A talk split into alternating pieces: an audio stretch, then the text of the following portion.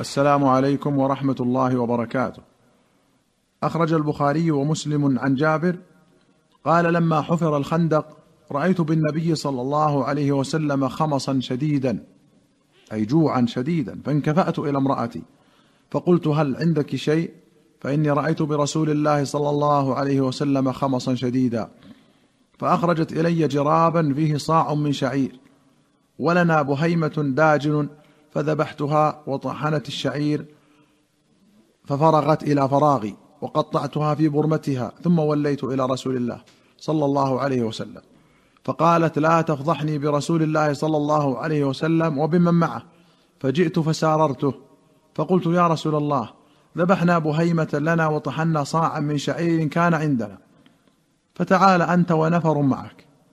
فصاح النبي صلى الله عليه وسلم فقال يا أهل الخندق إن جابرا قد صنع سورا فحي هلا بكم. فقال رسول الله صلى الله عليه وسلم لا تنزلن برمتكم ولا تخبزن عجينكم حتى أجيء. فجئت. وجاء رسول الله صلى الله عليه وسلم يقدم الناس. حتى جئت امرأتي فقالت بك وبك.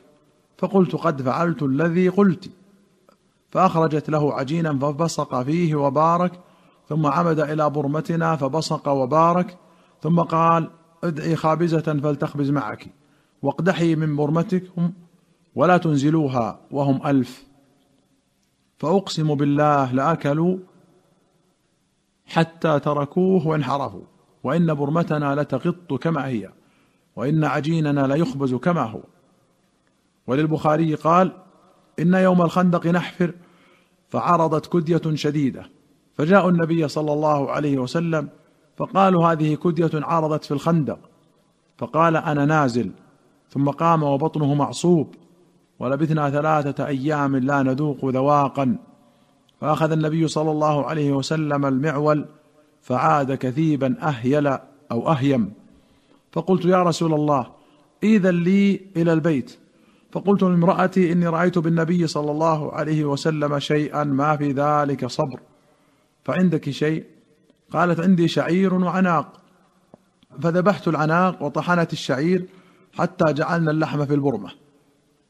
ثم جئت النبي صلى الله عليه وسلم والعجين قد انكسر والبرمة بين الاثافي قد كادت أن تنضج. فقلت طعيم لي. فقم أنت يا رسول الله ورجل أو رجلان. قال كم هو؟ فذكرت له. قال كثير. طيب. قل لها لا تنزع البرمة. ولا الخبز من التنور حتى آتي. فقال قوموا فقام المهاجرون والأنصار. فلما دخل على امرأته قال ويحك جاء النبي صلى الله عليه وسلم بالمهاجرين والأنصار ومن معهم. قالت هل سألك؟ قلت نعم. فقال ادخلوا ولا تضاغطوا فجعل يكسر الخبز ويجعل عليه اللحم. ويخمر البرمة والتنور إذا أخذ منه. ويقرب إلى أصحابه ثم ينزع. فلم يزل يكسر الخبز ويغرف حتى شبعوا وبقي منه بقية. فقال كلي هذا وأهدي فإن الناس أصابتهم مجاعه قوله عاد أهيل أي منهالا يسيل من لينة. والاثافي الحجارة التي تنصب القدر عليها. وأخرج البخاري عن جابر أن أباه توفي وترك عليه ثلاثين وسقا لرجل من اليهود فاستنظره جابر فأبى أن ينظره. فكلم جابر رسول الله صلى الله عليه وسلم ليشفع إليه. فجاءه رسول الله صلى الله عليه وسلم فكلم اليهودي ليأخذ ثمر نخله بالذي له فأبى. فدخل رسول الله صلى الله عليه وسلم النخل فمشى فيها. ثم قال لجابر جد له فأوفي الذي له. فجده بعدما رجع رسول الله صلى الله عليه وسلم أي صرمه. فأوفاه ثلاثين وسقا وفضلت له سبعة عشر وسقا. فجاء جابر رسول الله صلى الله عليه وسلم ليخبره بالذي كان فوجده يصلي العصر. فلما انصرف أخبره بالفضل فقال أخبر بذلك ابن الخطاب. فذهب جابر إلى عمر فأخبره فقال عمر لقد علمت حين مشى فيها رسول الله صلى الله عليه وسلم ليباركن فيها. وفي رواية قال توفي أبي وعليه دين فعرضت على غرمائه أن يأخذوا التمر بما عليه فأبوا ولم يروا أن فيه وفاء. فأتيت النبي صلى الله عليه وسلم فذكرت ذلك له فقال إذا جددته فوضعته في المربد آذني.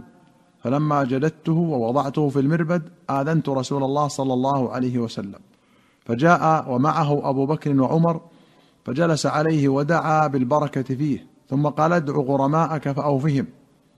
فما تركت أحدا له دين على أبي إلا قضيته. وفضل ثلاثة عشر وسقا سبعة عجوة وستة لون أو ستة وسبعة. فوفيت رسول الله صلى الله عليه وسلم المغرب فذكرت ذلك له. فضحك وقال ائت أبا بكر وعمر فأخبرهما فأخبرتهما.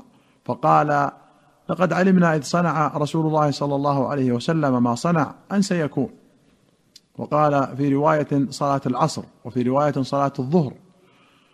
وفي أخرى قال توفي عبد الله بن عمرو بن حرام وعليه دين فاستعنت بالنبي صلى الله عليه وسلم على غرمائه أن يضعوا من دينه فطلب إليهم فلم يفعلوا. فقال لنا النبي صلى الله عليه وسلم اذهب فصنف تمرك اصنافا. العجوة على حدة وعذقب زيد على حدة ثم أرسل إلي ففعلت. ثم أرسلت إليه فجلس في أعلاه أو في وسطه. ثم قال كل للقوم فكلت لهم حتى أوفيتهم الذي لهم. وبقي تمري كأنه لم ينقص منه شيء. وفي رواية فما زال يكيل لهم حتى أدى.